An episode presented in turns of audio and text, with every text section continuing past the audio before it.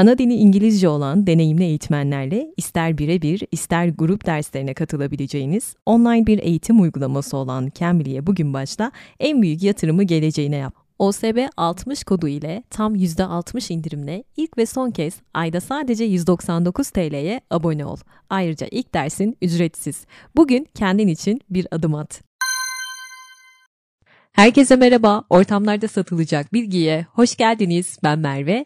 Bugün dünyaca ünlü sanatçıların, bilim insanlarının, yazarların günlük ritüellerini konuşacağız. Malum yeni yıl yaklaşıyor ve bu ritüeller, rutinler mevzusu çok önemli diye düşünüyorum. Old But Gold takipçiler bilir. Daha önce de böyle iki bölüm yapmıştım. Çok sevmiştiniz. Onları da mutlaka dinleyin derim. O iki bölümde de Freud vardı, Kafka vardı, Beethoven, Kant, Jung, Karl Marx, Tesla, Balzac, Descartes, Sylvia Plath, Picasso ve Sartre'ın günlük ritüellerini anlatmıştım. Bugün kimleri anlatacağım sizlere? Frida Kahlo, Marie Curie, Agatha Christie, Yayoi Kusama, Charles Darwin, Mozart ve Isaac Asimov'dan bahsedeceğim. O zaman kahveler hazırsa hadi başlayalım sohbetimize. Önce Frida Kahlo ile başlamak istiyorum. Kanalımda onun çok detaylı bir biyografi podcast'i var dinlemek isterseniz. Ne demişti Frida? Hayatımda iki büyük kaza geçirdim. Biri tramvayın altında kalmaktı, diğeri de Diego demişti. Diego Rivera Frida'nın büyük aşkı. O da bir ressam.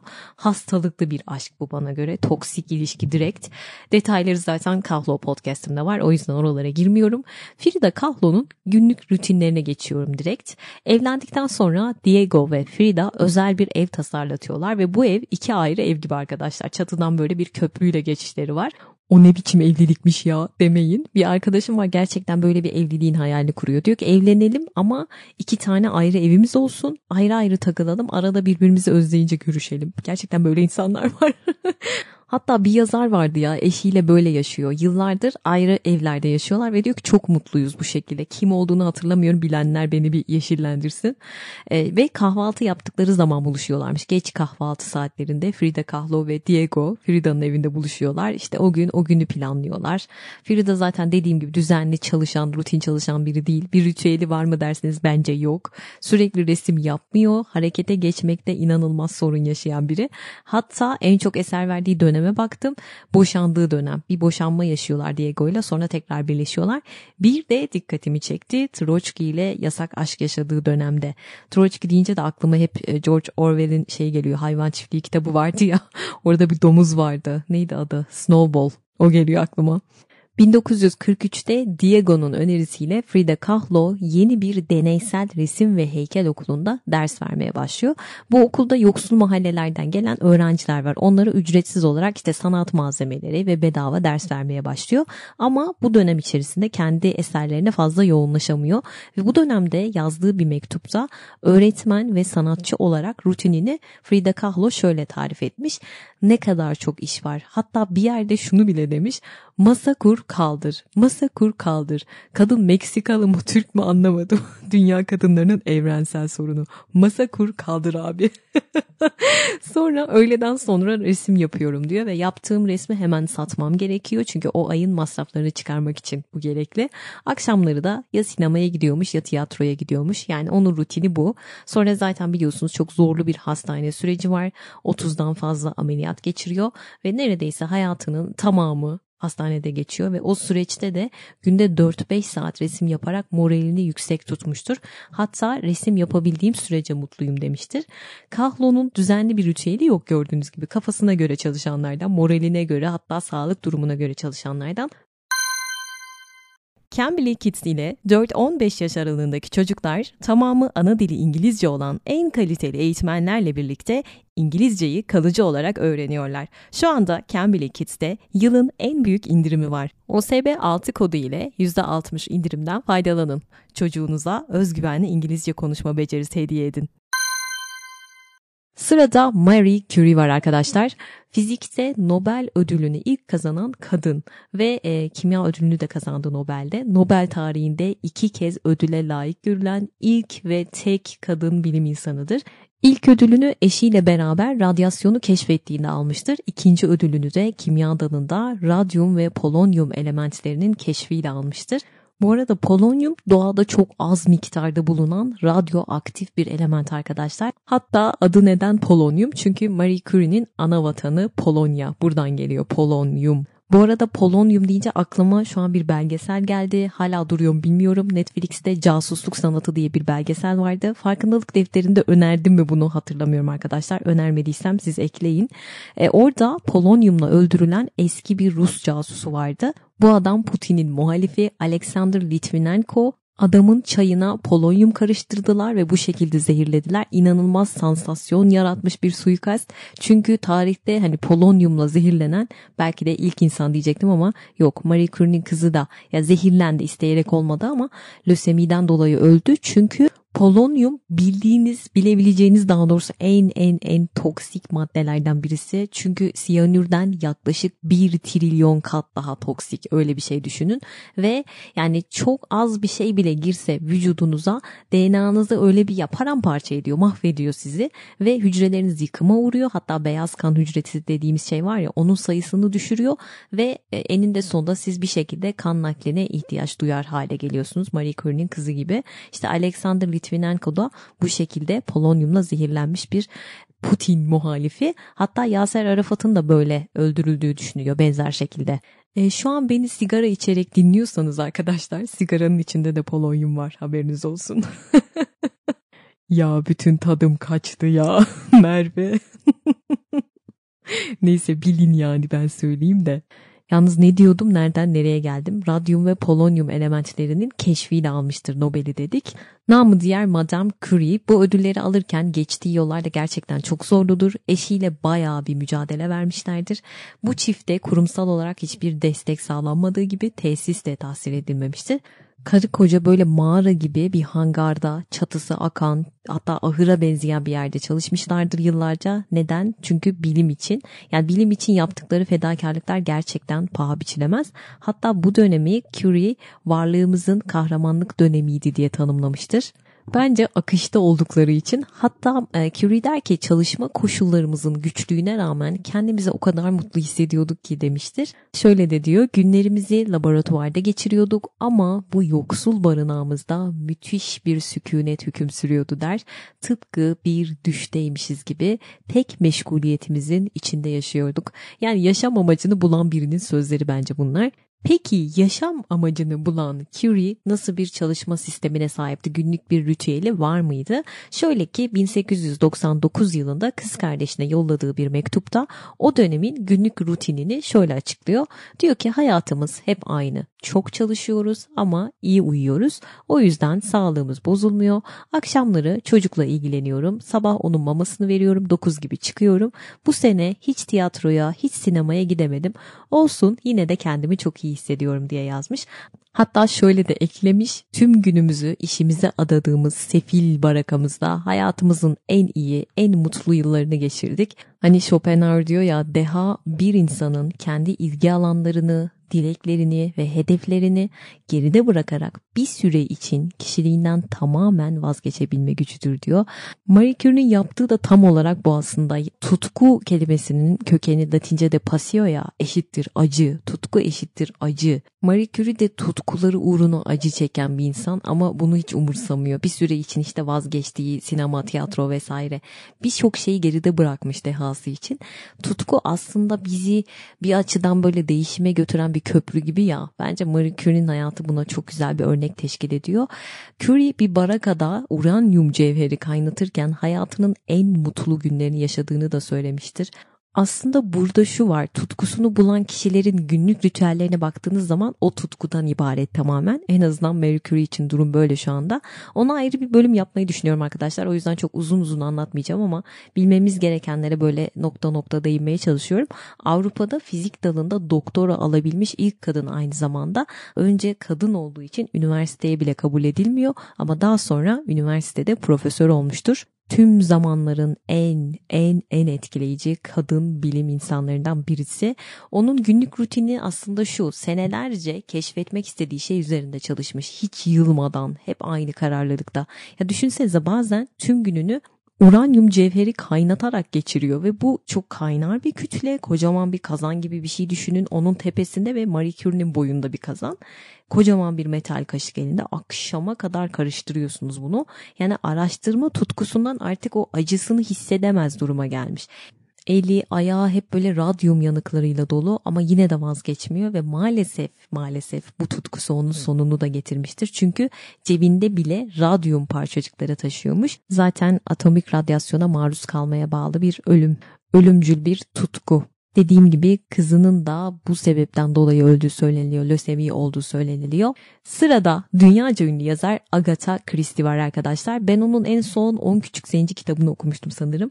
E, biraz onun biyografisinden de bahsedeceğim sizlere. Otobiyografisinde diyor ki Agatha Christie 10 kitap yazdıktan sonra bile kendimi hala hakiki bir yazar olarak görmüyorum diyor. Hatta form doldururken bile meslek kısmına ev hanımı yazıyormuş. Dünyaca ünlü yazarsın ama oraya ev hanımı yazıyorsun. Yazmak diyor benim için çok efsunlu bir şeydi. Yani efsunlu bir halde yaptığım bir görev gibiydi diyor. Hatta odam dediği bir yer de yokmuş. Böyle kapanıp çalıştığı bir yerim asla olmadı diyor. Tek ihtiyacım sabit bir masa bir de daktilo demiştir. Arkadaşları bile onu hiç yazarken görmemiş. Böyle gizli gizli gün içinde ortadan bir anda kaybolup yazmaya gidiyormuş. Hatta 1926 yılında Agatha Christie tam 11 gün ortadan kayboluyor ve döndüğü zaman nerede ne yaptığını anımsamadığını söylemiştir. Çok enteresan az sonra oraya geleceğim.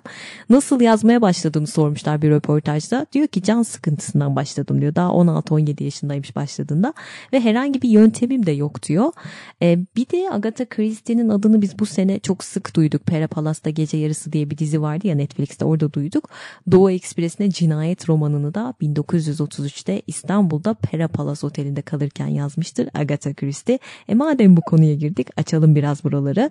Şöyle ki 1926-32 yılları arasında Agatha Christie bu romanını yazmak için İstanbul'a defalarca geliyor arkadaşlar. Ve her geldiğinde Pera Palas'ta kalıyor. Ve aynı zamanda Pera Palas'ın sahibi olan Misbah Muhayyes'in misafiri olarak Yeniköy'deki villasında kalmıştır. İşte o 11 gün ortadan kaybolmasının sırrını buraya bağlayanlar var yalıdaki bir odayla bağlantılı diyorlar. Hatta Agatha Christie öldükten 3 yıl sonra 1979'da Warner Bros. film şirketi bu esrarlı 11 günün öyküsünü film yapmak istiyor. Ama yapımcılar senaryoyu beğenmiyorlar. Diyorlar ki buna biraz daha böyle renk katalım, sos katalım. Bir medyuma gidiyorlar. Çok ünlü bir medyum Tamara Rand diye birisi ve bu ünlü medyum Agatha Christie'nin ruhunu çağırıyor güya ve Agatha Christie diyor ki benim kayboluşumun sırrı Pera Palas'ta gizlidir. Ve sonra Medium Tamara bir daha çağırıyor Agatha Christie'nin ruhunu ve Agatha'nın ruhu ona çok gizli bir anahtardan bahsediyor. İşte bu anahtar o günkü otelin sahibi Misbah Muhayyes'in yalısındaki o odaya aitmiş arkadaşlar.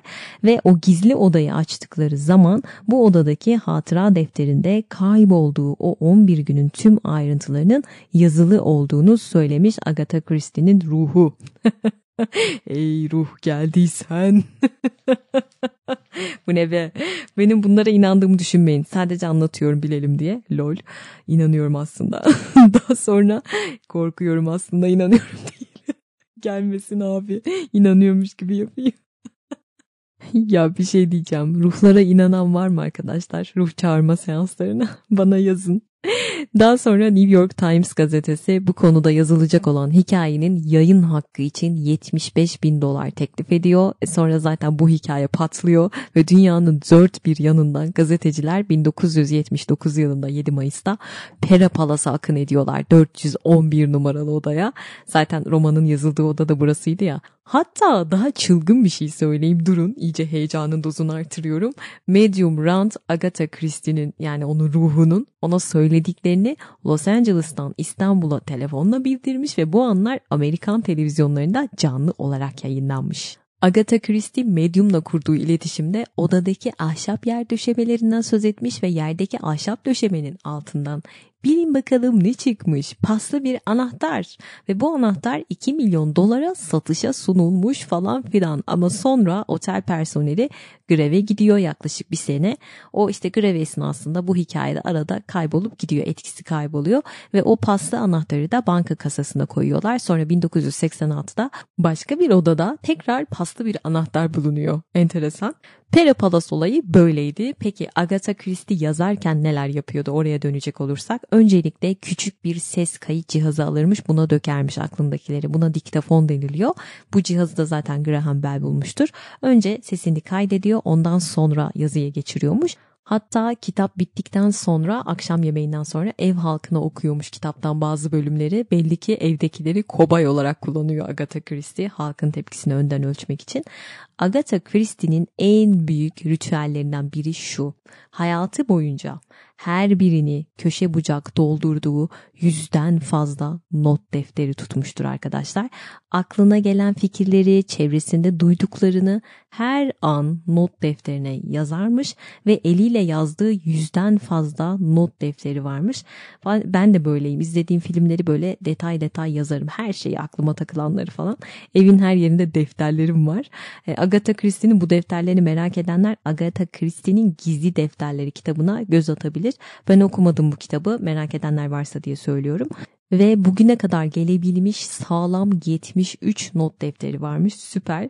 Bir başka ritüeli de şu banyoda elma yerken roman yazıyormuş. Çok saçma demeyin. Virginia Woolf da ayakta böyle duvara yaslanarak yazıyordu ya. Demek ki ilham böyle yazarlara farklı farklı şekillerde gelebiliyor. Bir de çoğu yazar yayınlandıktan sonra romanlarını böyle tekrar tekrar açıp okumazlar ya. Neden? Çünkü eleştirilere ve düzeltmelere geç kaldıkları için. Gelelim hayran olduğum sanatçılardan bir başkasına. Sıra dışı bir kadın Yayoi Kusama, puantiyeli sonsuzluğun sanatçısı 1929'da Japonya'da doğmuştur ve ülkesinde savaş varken doğmuş. Dolayısıyla savaşta büyümüş bir çocuk ve Kusama belki bu savaşın yıkıcı etkisinden dolayı halüsinasyonlar görüyor. Görsel ve işitsel sanrılar görüyor arkadaşlar ve 1977'de kendi isteğiyle akıl hastanesine yatıyor. Burada yolun karşısına yaptırdığı bir stüdyo var. Bu stüdyoda her gün çalışıyor. Daha sonra akıl hastanesine gidiyor. E, sadece resim değil, heykel, moda, film, edebiyat ne ararsanız enstalasyon hepsi var yani. Ve bunları yaklaşık 10 yaşından beri gördüğü halüsinasyonlardan etkilenerek yapmıştır. Benekler resmeder, ağlar resmeder. Zaten genelde ben ona benekli kadın diyorum, puantiyeli kadın. Böyle bal kabağı, puantiye, nokta görünce aklıma ilk gelen isim tabii ki Kusama oluyor.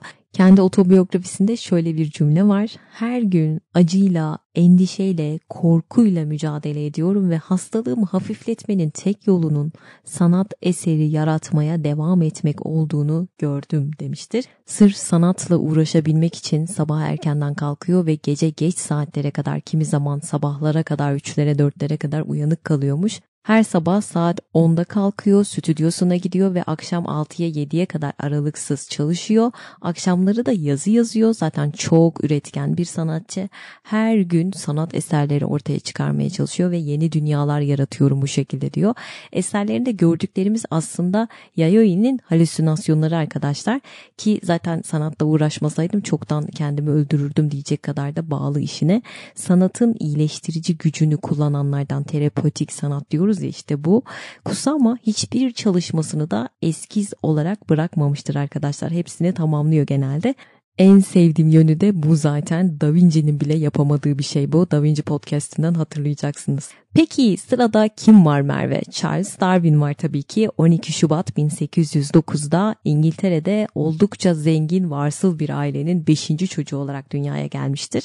Babası tıp doktoru Darwin'in ve o tabii ki babası tıp okumasını istiyor ama Darwin'in tıpla hiçbir alakası yok. Onun ilgisi doğa tarihi, jeoloji, işte koleksiyonlar gibi şeyler ve e, hatta bir podcast'te demiştim ya hangisi hatırlamıyorum. Babası Darwin'e diyor ya işte sen diyor bu sülalenin yüz karısısın olmalısın. Hiçbir işe yaramazsın diyor. Darwin'e diyor babası. Lol. Darwin'in anne tarafı da oldukça dindardır. Hatta koyu dindar diyebilirim. Sonra zaten tıbbı bırakıyor. Cambridge'de teoloji okumaya başlıyor. Ve o süreçte doğa bilimlerine olan ilgisi iyice artıyor. Hatta çok saygın bir bilim topluluğuna dahil edilmiştir Darwin ve din bilimi üzerine çalışırken Tanrı'nın nasıl böyle bütün canlıları muhteşem bir şekilde yarattığını ilgi duymaya başlıyor. Bunu araştırmak istiyor ve doğa teoloğu olan bir profesör var. John Stevens Herslow bununla arası o kadar iyi ki işte okul bahçesinde sürekli beraberler sürekli onunla sohbet ediyor onunla yürüyor ondan dolayı da Darwin'e Herslow'la yürüyen adam demişlerdir.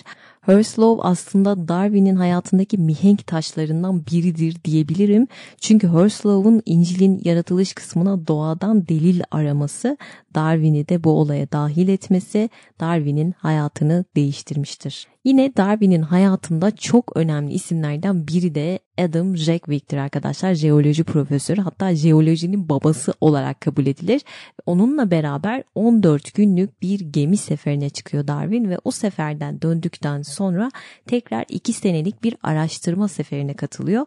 Burası çok omelli arkadaşlar çünkü Herslow bu gezide ondan İncil'in yaratılış kısmının ispatını istemiştir. Aa, hatta ben size geçenlerde böyle bir belgesel önerdiğimi hatırlıyorum. Instagram'da story atmıştım bunu izleyin diye. İncil'in Gizemleri diye bir belgesel. Şahane izlemek isteyenlere duyurulur. E, Herslow bu gezide ondan İncil'in yaratılış kısmının ispatını istiyor ve yaratılışı ispat edecek ilk kişi olma amacıyla Darwin bu ikinci sefere çıkmıştır arkadaşlar. Ama bilimle uğraşan babası bu miçoluk olayına hiç sıcak bakmamıştır. Otur oturduğun yerde demiştir. Araya birileri giriyor babasını ikna etmek için. Ve ya Darwin babasını dinlemiyor bir şekilde. Bu sefere çıkıyor. Ya dinleseydi abi tarihin, bilimin seyri değişecekti muhakkak. Bazen Doktor Who'ya çok özeniyorum ya. Keşke diyorum öyle bir şey olsa böyle geçmişe gidip bir şeyleri değiştiriyor ya.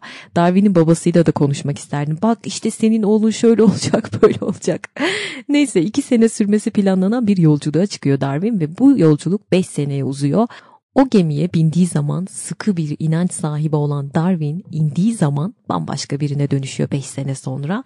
İncil'in yaratılış kısmına ispat aramaya çıkıp agnostik olarak dönmüştür Darwin. Ateist değildir, agnostiktir. Kapat parantezi. Peki Darwin nasıl çalışıyordu? Ritüeli neydi?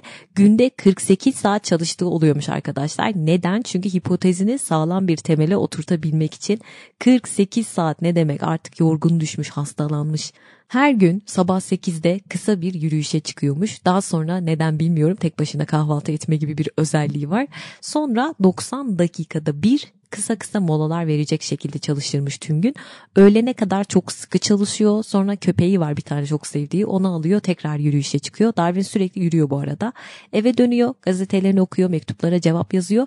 Mektupların hepsine cevap yazma gibi bir özelliği var. Yazmazsa inanılmaz bir vicdan azabı duyuyormuş. Bir de karısı var Emma.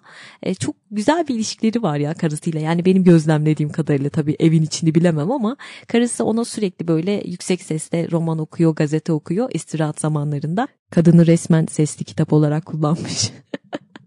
Kanepeye uzanıp karısını dinliyormuş. Merve bunu çok sevdi. Sonra tekrar üçüncü yürüyüşüne çıkıyor. Gün içerisinde üç kere yürüyüş yapıyor. Bu üçüncü yürüyüşünden bir saat sonra eve geliyor. Tekrar çalışmaya başlıyor. Beş buçukta da paydos ediyor. Tam 40 senesini bu şekilde bu rutinle geçirmiştir. İlk başlarda hipotezini e, ispatlamak için çok uzun süreler 48 saate varan çalışmalar yapmış demiştim. Sırada kim var Merve? Marcel Proust var. Neredeyse tüm hayatını bir kitaba vakfeden ünlü yazar 1912'de insanın tüm hayatını bir kitabın keyfine tabi kılması ne kadar korkunç bir şey diye yazmıştır. 1908'den 1922'ye kadar yani ölümüne kadar tüm hayatını anıtsal romanı olan Kayıp Zamanın izinde yazmaya adamıştır. Düşünsenize içinde neredeyse bir buçuk milyon kelime olan yedi ciltlik bir eser Bordo Bereliler kesin okumuştur diye düşünüyorum. Ben henüz okumadım. Yani böyle kitapların zamansız olduğunu düşündüğüm için okumadım. Açıkçası böyle biraz yaşlanmayı bekliyorum okumak için. Henüz cesaretim yok. Ee, başka iki kitabını okumuştum Marcel Proust'un. Kalemi çok güzel seviyorum. Hatta çocukluk travmaları bölümünde de bahsettiğimi hatırlıyorum Proust'tan detaylı olarak. O bölümü dinleyebilirsiniz. E, Proust'un çocukluk travmalarına inmiştik. Peki Proust'un yazma ritüeli nasıldı? Yani böyle bir eser veren adam nasıl bir ritüel izledi? 1910 yılında tüm dikkatini komple işine verebilmek adına sosyal hayattan çekilmiştir arkadaşlar. Tıpkı Marie Curie gibi bütün vaktini Paris'teki mantarlarla kaplanmış dairesinde geçirmiştir Gündüzleri uyuyor, geceleri çalışıyor. Gece kuşu Marcel Proust ve sadece ve sadece romanı için done toplayabilmek için dışarı çıkıyormuş. Yani insanları gözlemleyecek, yazacak. Proust gündüz uyuyor, bazen akşamüstü 6'ya kadar uyuduğu oluyormuş. Geceleri çalışan birisi ve gün içerisinde bazen yediği tek şey kahve ve kruvasan oluyormuş. Ya canım çekti yine. Hatta dün kruvasanlara bakıyordum YouTube'da nasıl yapılıyor diye. E, işte Fransız usulü kruvasan. Bir tereyağı koyuyorlar içine. Dedim ki yani Merve sen bunu nasıl yedin? Tereyağı yemişim resmen. Ama yine olsa yine yerim. Pişman değilim. Hatta yanında çalışan kişi demiş ki günde iki fincan sütlü kahve ve iki kruvasanla yaşayan başka hiçbirini duymadım demiştir. Beni duyabilirsin canım. kilo alacağımı bilmesem gerçekten böyle beslenebilirim. Yani sağlıksız olduğunu bilmesem. Neyse canım çekti susuyorum. Bir de Proust tıpkı bizim Latife Tekin'imiz gibi yatakta yazanlardan. Latife Tekin de öyleydi diye anımsıyorum bir röportajında izlemiştim. Sırada Mozart var. Mozart için kıskançlık ve haset bölümümü mutlaka dinleyin derim. Çok eğlenceli bir bölümdü. Mozart'ın ritüeli de şöyleymiş. Sabahın köründe kalkıyor 5-6 gibi. 6'da saçları hazır bir şekilde 7'de de üstünü başını giyinmiş oluyor. 9'a kadar beste yapıyor. 7'den 9'a kadar. 9'dan 1'e kadar ders veriyor. Sonra öğle yemeği molası veriyor. Eğer konseri yoksa 5 ile 9 arası beste yapıyor. Eve geliyor. Karısıyla biraz oturuyor. Tekrar beste yapmaya gidiyor. Yatmadan önce muhakkak beste yapmaya çalışırmış. Gece 1'e kadar beste yapıyor. Sabah 5 gibi tekrar kalkıyor ve aynı rutine devam ediyor. Ben hiç tembel bir dahi duymadım ya. Siz duydunuz mu? Hepsi deli dehşet çalışıyorlar. Alışkanlık edilmişler çalışmayı. Hatta Mozart babasına yazdığı bir mektupta yapacak o kadar çok şey var ki çoğu zaman aklım başımda mı yoksa peşimde mi anlamıyorum demiştir. Tamam adam 3 yaşında piyano çalmaya başladı. Okey evet ilahi bir müzik yeteneği var tamam ama bunun yanı sıra o başarısını neye borçlu? Çok çok çok çalışmasına, çalışmayı günlük ritüeline, alışkanlığına dönüştürmesinin payı çok büyük. Gelelim bir başka isime. Farklı bir kulvardan biri geliyor. Dikkat çeken bir isim. Davranış psikolojisinin kurucusu B.F. Skinner, Frederick Skinner. O günlük yazma seanslarını böyle adeta bir laboratuvar deneyi gibi kurgularmış arkadaşlar. Her sabah öz pekiştirici iki davranışla kendini muhakkak yazmaya zorlarmış. Hatta bir zaman ölçeri var. Bunun alarmıyla başlıyor ve duruyor. Kaç saatte kaç kelime yazdığını bir çizelge sayesinde böyle dikkatlice de işaretlermiş. Bir günlüğüne bu rutininin detaylarını şöyle açıklamıştır. Biraz sıkıcı bir hayat gibi gelecek belki ama şöyle. E, sabah uyanır uyanmaz 6'da radyo haberlerini dinliyor. Kahvaltısını akşamdan hazırlıyor mısır gevreği. E, kahvesini de hazırlıyor. Her şey hazır bir şekilde oturuyor kahvaltısının başına. Tek başına kahvaltı ediyor Darwin gibi. Sonra kitabını okuyor, gazetelerini okuyor. Saat 7 gibi çalışma odasına iniyor ve çalışmaya başlıyor. Her 12 saatte bir nasıl bir üretkenlik sergilediğini kontrol ediyor. Arada sadece birkaç dakika, birkaç dakika bakın daha fazla değil bah dinleme müsaadesi vermiş kendine. Ya çok kontrolcü bir adam fark ettiyseniz saat 10'da yürüyüşe çıkıyor. 3 kilometre yürüyormuş o bile belirleyen 3 kilometre yürümeden gelmiyor. Akşam 9.30'da yatıyor. Gece uyanıyor arkadaşlar. Burası çok enteresan.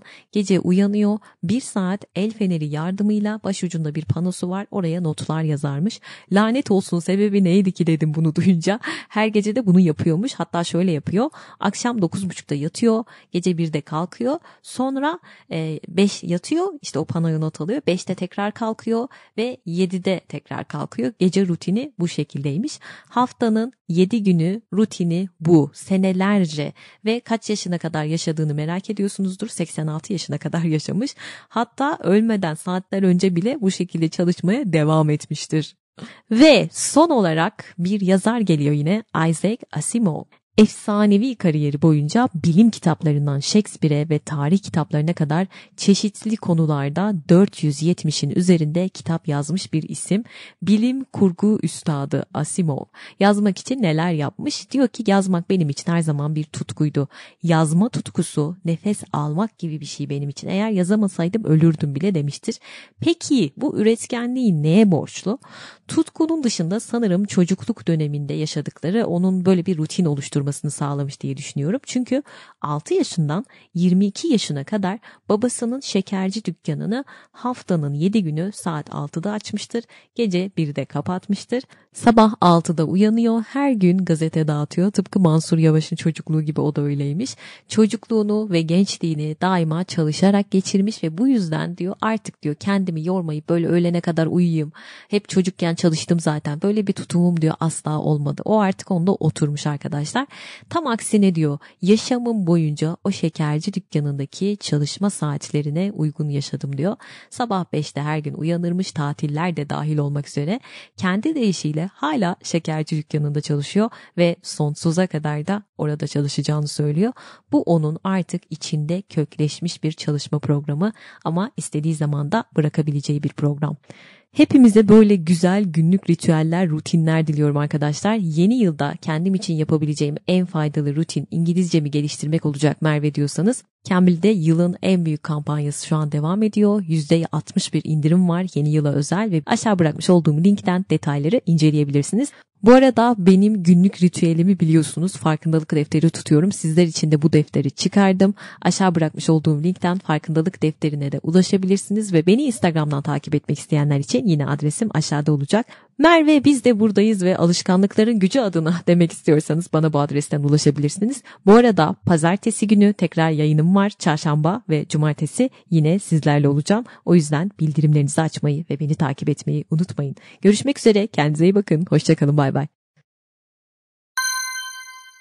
Cambly'de ilk defa tüm ürünlerde geçerli %60 indirimi kaçırmayın. Cambly'nin %60 indiriminden yararlanmak için OSB 60 kodunu, Cambly Kids'in %60 indiriminden yararlanmak için ise OSB 6 kodunu kullanarak hemen abone olabilirsiniz. Sınırlı sayıda kişi için geçerli. Bu büyük indirimi kaçırmayın.